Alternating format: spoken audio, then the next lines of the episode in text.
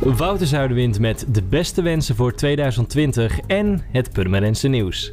Het nieuwe jaar viert Purmerend met de nieuwjaarspeech van burgemeester Don Bijl vanuit Theater de Purmerijn en de bekendmaking van de Gouden Purmerender aan een inwoner of organisatie die zich op een bijzondere manier heeft ingezet voor de stad. Op de Koemarkt wenst Purmerend elkaar vandaag al het goeds voor het nieuwe jaar met optredens van Emma Heesters en Omar Larijnen. Gistermiddag rond kwart over drie kwamen een auto en een brommer met elkaar in botsing op het Evenaar-pad.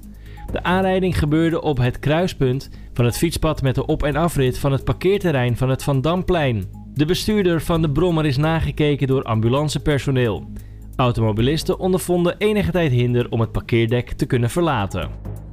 En het college van Purmerend bekijkt wat de mogelijkheden zijn voor een doorstart van buurtsupermarkt Super in de wijk Weide-Venne. Bijzonder aan de winkel in complex heel Europa is dat die wordt gerund door medewerkers met een beperking. In totaal werken er 12 medewerkers. Die kregen onlangs te horen dat de eigenaar, zorginstelling Aliade uit Heerenveen, de winkel wil afstoten vanwege tegenvallende cijfers van winkels in het land.